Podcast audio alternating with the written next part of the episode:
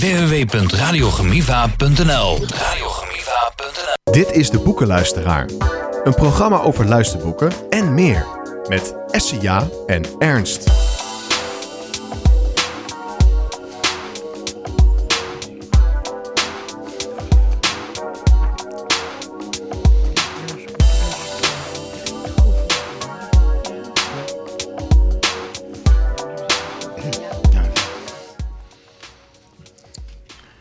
Dus laat je horen. De boekenluisteraar. Ja, je valt me in de reden bijna. Maar Anne van Zwiet is auteur, blogger en columnist.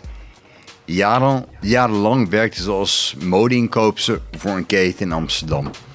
Daarna begon zij eigen winkels, die ze 16 jaar had. Door de geboorte van haar meervoudig beperkte dochter moest zij haar werkzame leven herzien en begon ze met schrijven. Haar roman, Keerpunt, kwam eind 2019 uit. In 2021 verscheen haar tweede roman, De Setarspeler. November 2022 kwam haar eerste thriller uit, Vleugellam. Anne werkt ook als columnist voor tijdschrift Vijnen. En voor de stichting die zij heeft opgezet voor kinderen met een meervoudige beperking. Stichting Nadja me daar. Ja, welkom eh, Anne. Maar ook ik heb eerst een, eh, een praatje. Het boek op luister-cd waar ik naar uitkijk is helaas nog even onderweg. Maar voor de boekenluisteraar is nu de schrijfster het boek vooruitgevlogen en vond dus naar de Radio Gemiva studio ietsje pietje eerder haar weg. Maar wat was er eerder, de schrijver of het boek? Samen met Anne van Zwieten gaan we naar haar boek Vleugellam op zoek. Ja, hallo Anne. Hallo. Hoe was jouw rit hier naartoe? ik moest even zoeken. Het is een soort bouwput waar ik terecht in kwam. En uh, ik heb twaalf minuten rondgelopen van oké, okay, rustig blijven, rustig blijven. En op een gegeven moment dacht ik, ik kan het niet vinden. Ik moet zo live in uitzending. Lichtelijk paniek. Maar je bent er. Ik ben er. Ja, en je schoenen zijn nog schoon? Oh, niet eens naar gekeken. Ja, het gaat helemaal goed. ja, daar klagen sommige DJ's dan over. Mijn schoenen zijn helemaal met de modder. Maar gelukkig, uh, ja, je bent goed aangekomen. Ja hoor. Uh, om je een beetje een, een, idee te geven hoe de boekenluisteraar werkt, en ook voor de luisteraar, hebben wij uh, mijn ingezongen luisterlist door DJ Marijke. Laat maar horen, Marijke. Wat doe je? Waar werk je? Hoe vind je dat? Wanneer spreek je? Hoeveel tijd duurt dat? Wat lees je? Nou, dat is wij. Wat vergeet ik? Zeg je, zeg je. Ik luister. Maar wat een stel. Ja, Anne, naar cool. wat een stijl kan ik nog niet beoordelen. Maar uh, ja, wie ben je en wat doe je zo al op een doordeweekse dag? Oké, nou, ik, uh, ja, Anne van Zwieten. Ik ben uh, moeder van uh, Jay, zoon van 21 en dochter Nadja. Nadja wordt bijna 18 en is meervoudig beperkt. Zij zit in een rolstoel, is niet zindelijk, spreekt beperkt. Um, en ja, eigenlijk door haar uh, heeft mijn leven een hele andere wending genomen. Want uh, wat uh, Ernst al heel mooi in het beginwoordje zei, ik heb altijd mijn eigen winkels gehad, mijn kledingzaken, heb ik 16 jaar gedaan. En eigenlijk tot aan de geboorte van Nadja. En het idee was om, om het gewoon allemaal te combineren het moederschap, het werk, et cetera. Maar de zorg voor Natja vroeg zoveel dat, uh, dat dat toch niet haalbaar bleek. En uh, nu ben ik tien jaar geleden gestopt met mijn winkels. Ben ik met Stichting Natja begonnen. Wordt misschien wel een heel lang verhaal hoor, zo. Het is uh, jouw interview, Anne. En jij vertelt wat de luisteraar heel interessant gaat vinden, natuurlijk. Okay. Tuurlijk. Ik, nou, uh, we komen zo bij mijn boeken. Maar uh, om het verhaal dan af te maken. Ik ben tien jaar geleden, nee, langer, twaalf jaar geleden begonnen met Stichting Nadja. En dat is een stichting die zich richt op uh, kinderen, nu eigenlijk inmiddels op jongvolwassenen uh, met meervoudige beperkingen. En daar uh, organiseer ik spelmiddagen en soosavonden voor. Eh, omdat ik als moeder daar tegenaan liep dat ik dacht van ja, er is bijna niks in een vrije tijd. Laat ik het dan maar zelf organiseren. Dus uh, zodoende eigenlijk. En ja, omdat ik mijn winkels verkocht heb, dacht ik ja, Stichting Nartja, daar kan ik een dagtaak van maken. En de verzorging van Nartja ook. Maar ik wil ook nog wel iets voor mezelf doen. Wat ik uh, ja, voor mezelf heel belangrijk vind.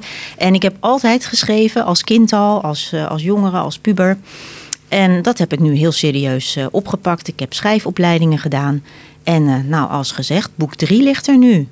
Boek 3 en het is een prachtige titel voor een thriller. Vleugellam. En ik ben, uh, ik ben bijna blind. En daarnet heb ik al de omslag van jouw boek mogen bekijken. Maar kan je omschrijven hoe het boek eruit ziet, uh, Anne? Ja, nou, ik kan me voorstellen dat als je slecht ziet, dat die kaft best heel moeilijk is, want hij is heel donker. Het, uh, het is bijna tegen zwart aan. En uh, verticaal over de kaft is een uh, vleugel te zien, als je goed, uh, goed kijkt. Dat is de vleugel van een gierzwaluw. En die gierzwaluw die speelt overigens ook een, een rol in het verhaal op metaforische wijze. En verder staat er de benen en de spitsen van een ballerina met een stukje tutu op de koffer. En de spitsen zijn een beetje bebloed, want het is natuurlijk wel een thriller. Oh, oké, dankjewel. Ja, nee, het is een thriller. En uh, ja, alleen al door uh, de titel uh, Vleugellam weet je dat er een thriller aankomt. Ik vind het een ontzettend, ik kan nog niet zeggen passend woord, want ik heb de cd nog niet kunnen beluisteren.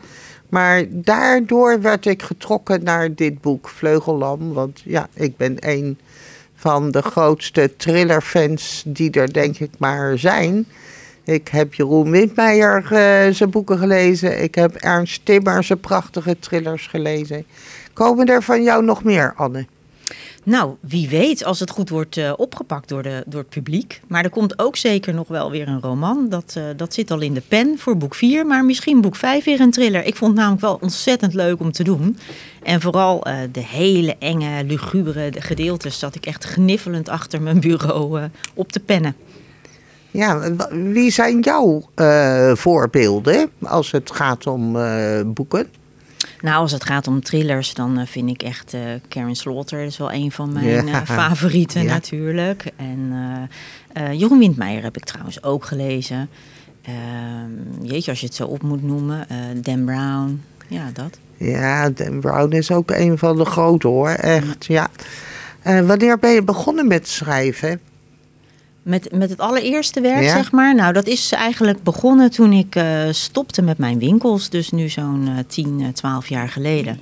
Toen ben ik gewoon maar eerst zonder enige kennis van zaken, zeg maar, gaan schrijven. Heel manuscript geschreven, ook opgestuurd, beoordeeld. Nou, dat was uh, slechter dan slecht beoordeeld.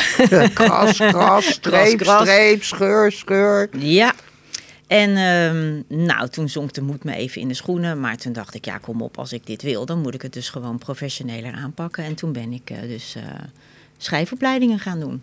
Ja, wat heb je dan nodig om, om echt een goede uh, schrijver te kunnen worden? Wat voor opleiding heb je daarvoor nodig dan, schrijfopleiding? Nou, ja, klinkt nou een beetje tegenstrijdig, maar misschien heb je niet eens echt een, een, een, schrijfopleiding nodig. Je hebt natuurlijk heel veel fantasie nodig en je moet heel veel meters maken. Dat vooral. Dus gewoon heel erg veel lezen, heel erg veel schrijven, heel veel uitproberen. en een, een, een thriller is weer een heel ander ding om te doen qua opbouw van het verhaal, et cetera, dan een, uh, dan een roman. Maar ik heb toch wel veel aan die schrijfopleidingen gehad. Gewoon, uh, ja, uh, de instinkers die je niet maakt. Weet je, de foutjes van, van woorden die je niet te vaak moet gebruiken. hoe je een verhaal opbouwt waar op welk moment het spannend moet worden. Zo'n beetje op twee derde van een thriller. Nou, dan moet er echt wel een grote ommekeer komen, zeg maar, met een grote klap erachteraan. Uh, hoe bouw je je personage op? Uh, begin je gewoon zomaar te schrijven of ga je alles helemaal van A tot Z uitdenken? En daarin heeft ook elke schrijver natuurlijk zijn eigen werkwijze. Ik ook. Er zijn schrijvers die, die schrijven alles helemaal uit voordat ze een, een letter typen, zeg maar. Voor het echi. Ja. En bij mij is het vaak zo dat ik het begin weet en het eind weet. En het hele stuk ertussenin kan nog van alles uh, gebeuren. Ja, eh, in het voorgesprek uh, zei je heel mooi van... het is reizen door mijn hoofd schrijven. Ja, reizen in mijn hoofd, ja. ja. En je reist vele plaatsen af in je boeken ook.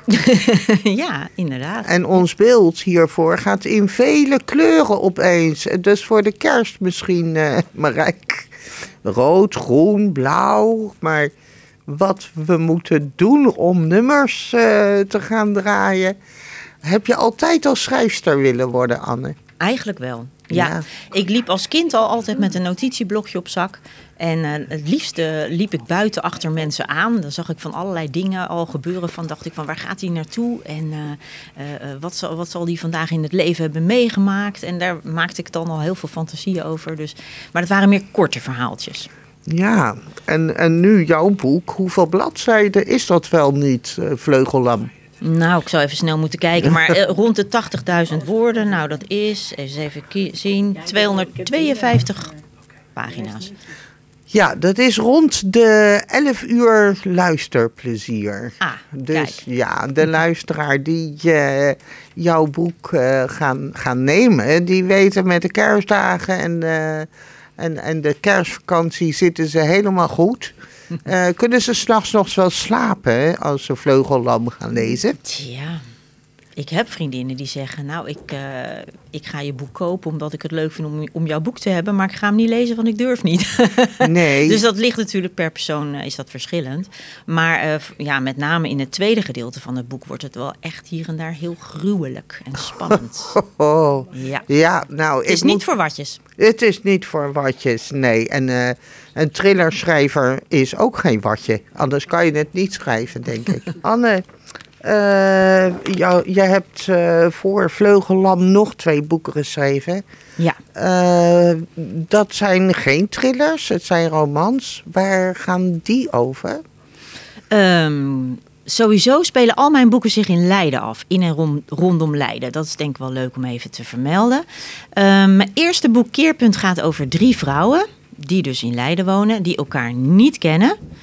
Um, zonder te veel te verklappen natuurlijk. uh, uiteindelijk blijkt dat ze wel degelijk een gemene deler hebben.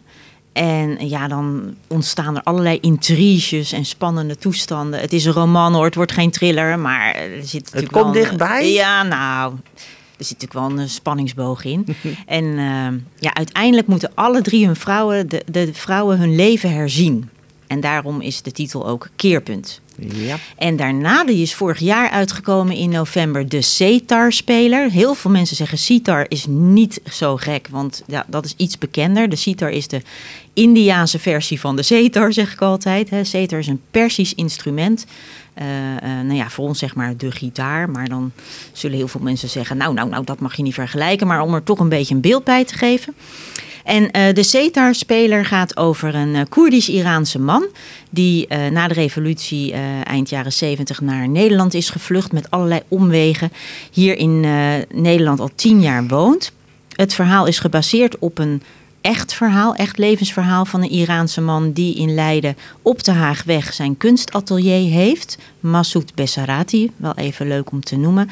En hij werkt aan een intens groot houten inlegwerk, een kunstwerk. En uh, ja, dat, dat is gewoon een mozaïek, maar dan heel groot. En ik interviewde hem eigenlijk daarvoor. En wij raakten zo in gesprek. En aan de wand bij hem in het atelier hingen dus die setars. En nou, die man had zoveel te vertellen. En dat maakte zoveel indruk op mij dat ik dacht: uh, dit is een verhaal, dit is een boek. En die heb je dus ook geschreven. Ja. Ja, maar uh, jouw boeken zijn niet alleen herkenbaar uh, als Anne van Zwieten boeken door uh, de plaats Leiden die erin voorkomt. Mm -hmm. Ook in je andere boeken heb je Leiden als, als startplaats. Maar wat maakt jouw boeken herkenbaar als de boeken van Anne van Zwieten? Goeie vraag. Ja, maar jij hebt ja. het antwoord mijzelf gegeven hoor. Ja, ik weet. Oh ja, in het voorgesprek is dat uh, inderdaad ter sprake gekomen. Nou, uh, in al mijn boeken komt eigenlijk iemand voor met een beperking. Uh, en dat kunnen natuurlijk allerlei verschillende beperkingen zijn. En dat, ja, dat komt natuurlijk voort uit de ervaring die ik nu zelf heb als moeder van een, een dochter met een beperking. En eh, ik vind het heel belangrijk en ook leuk hè, dat niet alleen in de maatschappij, maar ook in boeken mensen met beperkingen voorkomen. En dan niet weggezet als uh, treurige, zielige typjes. Maar uh, juist als mensen die gewoon helemaal meedoen of mee willen doen. En, en ja, in vleugellam um, is het niet bepaald een zielig figuur, zou ik maar zeggen. Gelukkig. Ja, mm. want wij mogen ook wel eens op de voorgrond komen hoor. Ja. Ook al zijn onze vleugels soms uh, lam. maar dat maakt ons niet uh, minder uh, sterk, laat ik het zo zeggen. Nee, exact. En het aparte is dat ik het niet van tevoren verzin, maar het gebeurt gewoon. Dus het is niet dat ik van tevoren denk, oh ja, er moet nog iemand met een beperking in. Het, het gebeurt gewoon. Ja, ja. Uh, als je een bakje koffie met een schrijver zou willen gaan doen, met wat welke schrijver zou je nog een bakje koffie willen gaan mm, drinken? Nou, als ze nog leefde, bij Nat Kroet. Oh, en ja. zij is schrijfster van? Nou, bijvoorbeeld dat mooie Zeeman-verhaal, hè, Zout op mijn huid. Oké. Ja, dat, dat, dat, die heb ik denk ik wel vijf keer gelezen. Die vind ik zo prachtig. Oké. Maar ja, zij, zij leeft niet meer. Dus nee. ja, er zal toch een ander moeten kiezen. Ja, ja, ja. Uh, eens even kijken. Nou, ik vind ook uh, Simone van de Vlucht vind ik ook heel interessant. Omdat zij, uh, net als ik, uh, allerlei soorten boeken schrijft. Hè. Zij heeft jeugdboeken geschreven, historische romans, uh, romans, thrillers, korte verhalen. En dat wil ik ook. Ik wil me niet vastleggen in één genre. Nee. Dus dat, ja, dat vind ik heel leuk. Zou ik wel leuk vinden om met haar een bakje koffie te doen. Ja, voor de luisteraar die zo net pas aanschuift... En net zoals ik ook van uh, psychologische thrillers houd, dan zit je bij dit interview met Anne van Zwieten helemaal goed. Schrijfster van het boek Vleugellam vertelt live in de studio hierover en over wat zij zoal nog meer doet. Hallo Anne. Hallo. Ja, wat doe jij het liefst in je vrije tijd? Oh, ja, uh, nou ik ga graag naar buiten, wandelen, skileren, fietsen, uh, gewoon sporten dus graag in beweging. En verder lees ik natuurlijk ontzettend graag. Um, ja. Ja, uh, luister je ook wel eens uh, als je aan het schrijven bent uh, naar je eigen verhaal, hoe het klinkt als het op luister-CD zou worden uitgebracht? Nee. Nee, dat gaan wij dus nu wel doen, Anne. Want zou jij een stukje willen voorlezen of de omslagtekst of wat heb je uitgekozen voor ons? Ik heb inderdaad de omslagtekst, omdat je anders al heel snel een spoiler weggeeft. Nee, dat gaan we niet doen. Nee, toch? Nee. Oké. Okay. De achterflap van Vleugellam. Leiden schrikt op van een lugubere moord. Het lichaam van een jonge vrouw wordt gevonden in het water bij een recreatiegebied.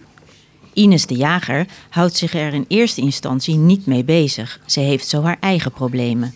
Ze wordt gestolkt door haar ex-vriend en denkt na over een carrière-switch. Ze staat dan ook niet te trappelen als de iets wat mysterieuze Mark Huberts werk van haar maakt. Dat verandert als Mark en Ines elkaar vinden in hun passie voor fotografie en ze steeds meer met elkaar optrekken. Ines ziet in Mark een betrouwbare partner, ook al heeft hij wat bijzondere voorkeuren. En waar komt zijn fascinatie voor gierzwaluwen vandaan? Ondertussen neemt het gedrag van haar ex-vriend Daniel angstaanjagende vormen aan.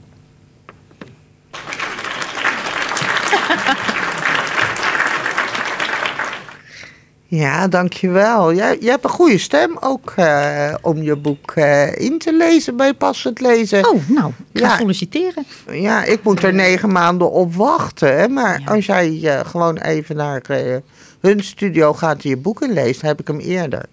Ik wil dat voor jou doen, beloofd. dankjewel. waar is je boek Vleugellam te krijgen, Anne? Um, nou, eigenlijk via alle online kanalen en uh, de grote bol natuurlijk. Uh, via mijn uitgever gover.nl uh, in Harderwijk en bij de plaatselijke boekhandel.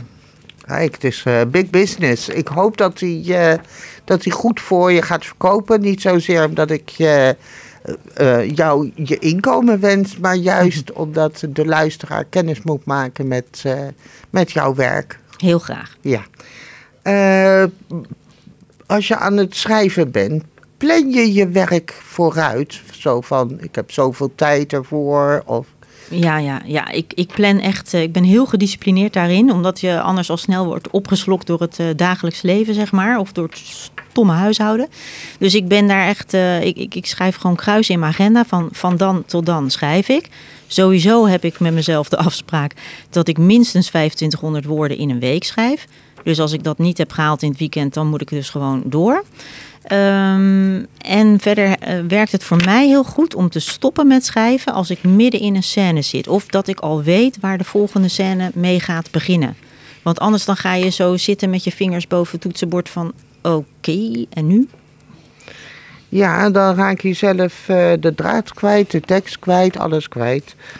Eh, ik heb een, eh, een boek gelezen met een prachtig citaat erin van plan je werk goed en werk je plan uit. Ja. En ja, dat denk ik is een must voor, eh, voor schrijvers, want anders raak je zelf helemaal in je eigen verhaal op tilt. Ja, zeker met een thriller. Dan moet je wel weten waar je naartoe schrijft. Ja, Ja, ja. En, en dan raak je dan onder het schrijven ook door je eigen verhaal gegrepen. Ja, sterker nog, het, het gebeurt eigenlijk altijd als ik eh, een heel eind ben met mijn boek, in ieder geval over de helft of zo, dan, eh, dan zijn die personages zo levensecht geworden dat ik wel eens ergens loop gewoon hè, eh, in de stad. En dan denk ik, oh Juliette, die zou nou dit zeggen. En dan denk ik, oh wat? Juliette is een personage, ze bestaat niet. Maar voor mij zijn het gewoon dan echte mensen geworden. Ja, Ja. ja. We gaan verder met onze vragen aan jou. Eh, schrijf je wel eens gedichten, Anne? Nee, heb ik me nog Nou, niet jij liegt, je loog tegen mij. Oh ja, oh ja, ik heb een gedicht geschreven. Notabene in Vleugellam. Ja, en, en, en die zou je dus voorlezen. Oh. Wanneer heb je hem voor het laatst eh, gelezen? Dan ga ik hem even opzoeken, maar heb ik even tijd voor nodig. Bij het volgende liedje zoek ik hem op. Bij het volgende liedje. Dan gaan we naar de volgende vraag. Naar welke muziek luister je dan het liefst? Als ik aan het schrijven ben, Mm, Ja, ook. eh, nou dan moet het instrumentaal zijn. Dus eh, eh, bijvoorbeeld als er veel rumoer omheen is, als er gezinsleden thuis zijn en ik wil toch schrijven, dan zet ik zoals nu een koptelefoon op. En dan luister ik heel graag naar eh Einaudi bijvoorbeeld. Maar in ieder geval zonder tekst erbij. Ja, nee, dat, dat, dat lukt niet. Schrijven en, en naar eh, nummers luisteren met, met tekst. Nee, Nee. dan raak je helemaal op tilt. Heb je je gedicht gevonden? Oh nee, Nog niet. Oké, nou, vragen stellen moet ik, maar dan leid ik je af natuurlijk, hè? ja.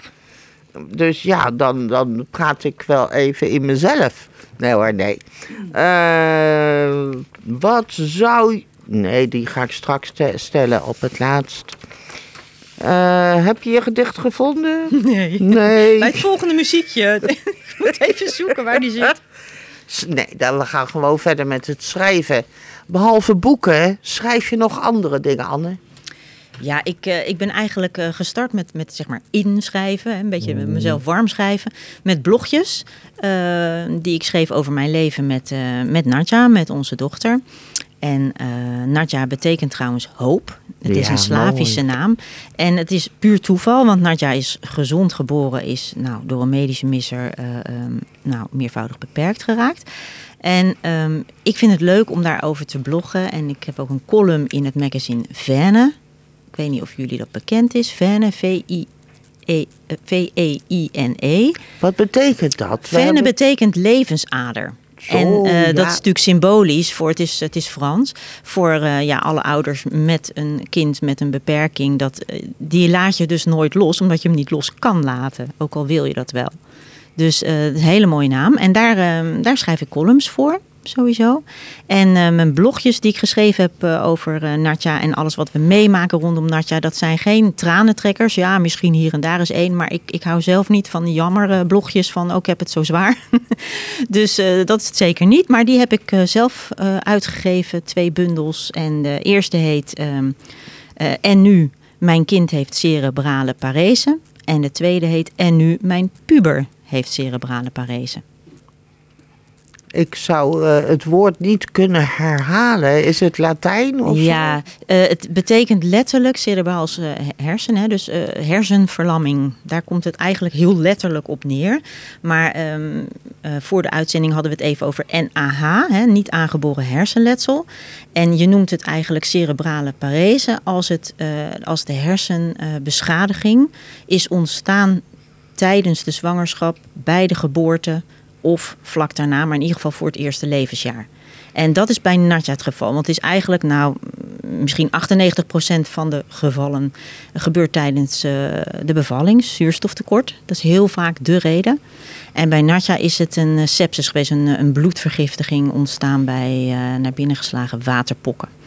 En eh, daar is zij eh, niet eh, goed uitgekomen. Heftig. Ja, Ja, heel heftig. Hoe oud is Nadja nu? Ze wordt bijna 18. Dus we hebben net het hele traject eh, achter de rug met ondercuratele stelling. Want ja, als ze straks 18 is, dan mag ik als moeder nergens meer bij. En we leven in een digitale wereld. Dus eh, dat hebben we allemaal net geregeld. Ik heb je de tijd gegeven voor het gedicht gevonden. Ik heb het gevonden. Maar het is Oh. ook maar een heel klein gedichtje. Ja, dat moet ook, hè, want eh, we hebben nog maar een paar minuutjes. Oké, nou komt-ie.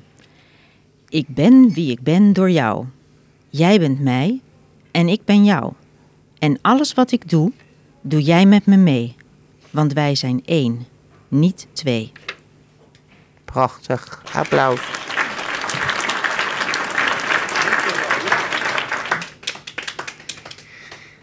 Ja, Anne. Wat zou je doen met een miljoen in je schoen en jouw levensdroom in het klein onder de kaarsboom? Wat zou je doen? Zo. Nou, dan zou ik een eh, heel groot stuk land kopen. En daar zou ik een eh, klein eh, schrijfhuisje voor mezelf opbouwen. Dat ik me lekker terug kan trekken. En dan zou ik een heel groot huis neerzetten voor Nadja en andere bewoners. Zodat zij eh, ook haar eigen plek heeft als ze straks echt... Ja, ze wordt wel 18, maar dat is nog vrij jong. Maar als ze 23 is, dan hoop ik toch wel dat ik een plekje voor haar heb... waar zij kan wonen en oud kan worden. Ja, dat hopen wij ook eh, voor je dat dat helemaal eh, gaat lukken. Ik wens je heel veel succes daarin. Dank je. Ja. Eh, het boek, of de columns die je hebt geschreven, het andere boek, waar kunnen we die dan vinden? Had twee boeken bij je, Vleugellam en het andere boek over Nadja. Ja, klopt. Eh, die boekjes eh, van, van Natja van, eh, met de titel En nu, mijn puber heeft cerebrale parese of mijn kind heeft cerebrale parese, die zijn te bestellen via mijn stichting, stichtingnadja.nl. Dus dat is www.stichtingnadja, helemaal aan elkaar.nl. En Nadja schrijf je N-A-D-J-A. Ja, dankjewel. Eh in dit korte gesprek, eh, Anne, is er vast iets wat ik eh, vergeten ben te zeggen of te vragen. Dus zeg je, zeg je en ik luister. Oh jee. nou, over het boek vind ik het nog leuk om te zeggen dat de gierzwaluw op een metaforische wijze in het boek verweven zit.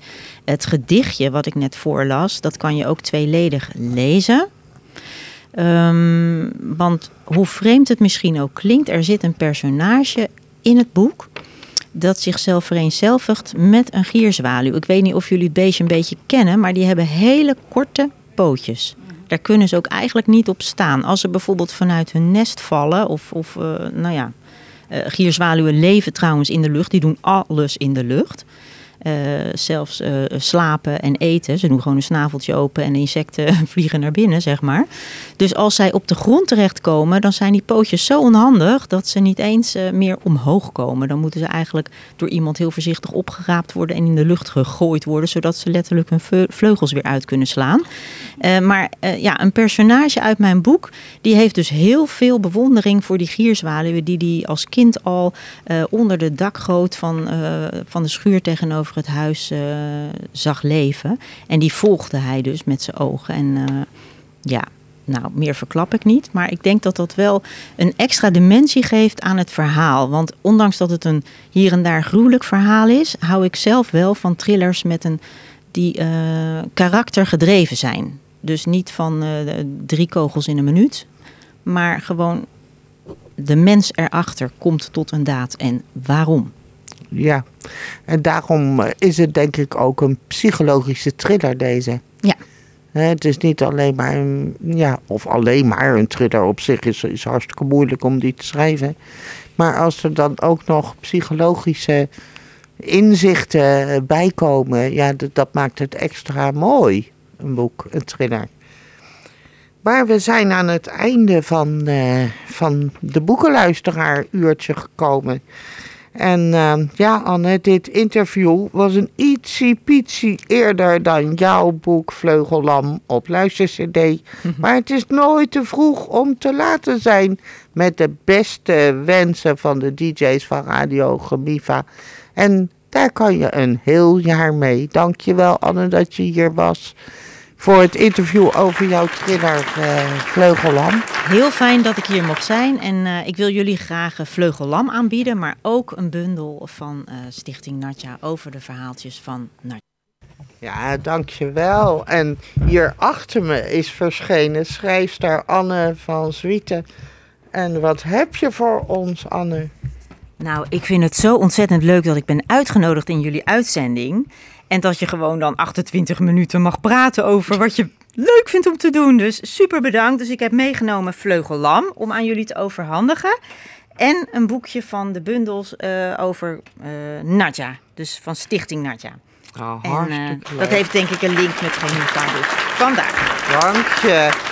En, en die ga je straks ook signeren natuurlijk. Uiteraard. Uiteraard. Dankjewel. Wil je meer informatie over Radio Gemiva? Ga naar radiogemiva.nl